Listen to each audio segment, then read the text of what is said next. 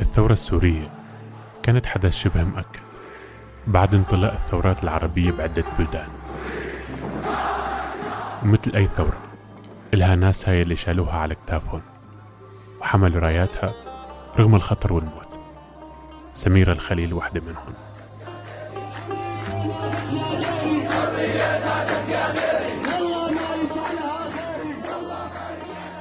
أعتقلت بالثمانينات بسبب نشاطها مع حزب العمل السوري ولانخراطها بالثورة السورية. صارت ملاحقة في دمشق عام 2013 من قبل نظام الأسد.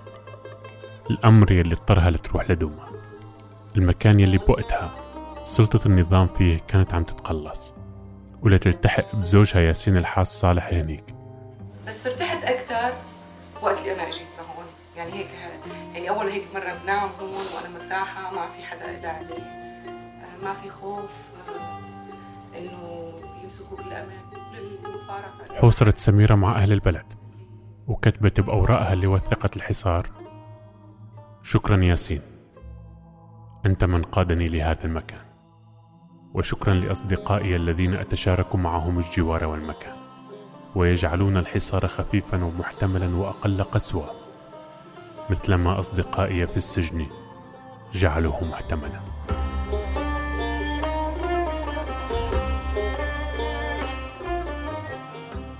لكن هربها لمنطقة محررة من النظام للأسف ما حماها من ممارسات سلطة تانية جيش الإسلام يلي بحسب ياسين اختطفها وغيبها من أواخر 2013 إلى اليوم. في هذا الموسم من بودكاست شرايط رح نستمع لرسائل كتبها ياسين لزوجته سميرة حتى يشرح لها كل شي صار بغيابها مع حاله وبسوريا وبالعالم.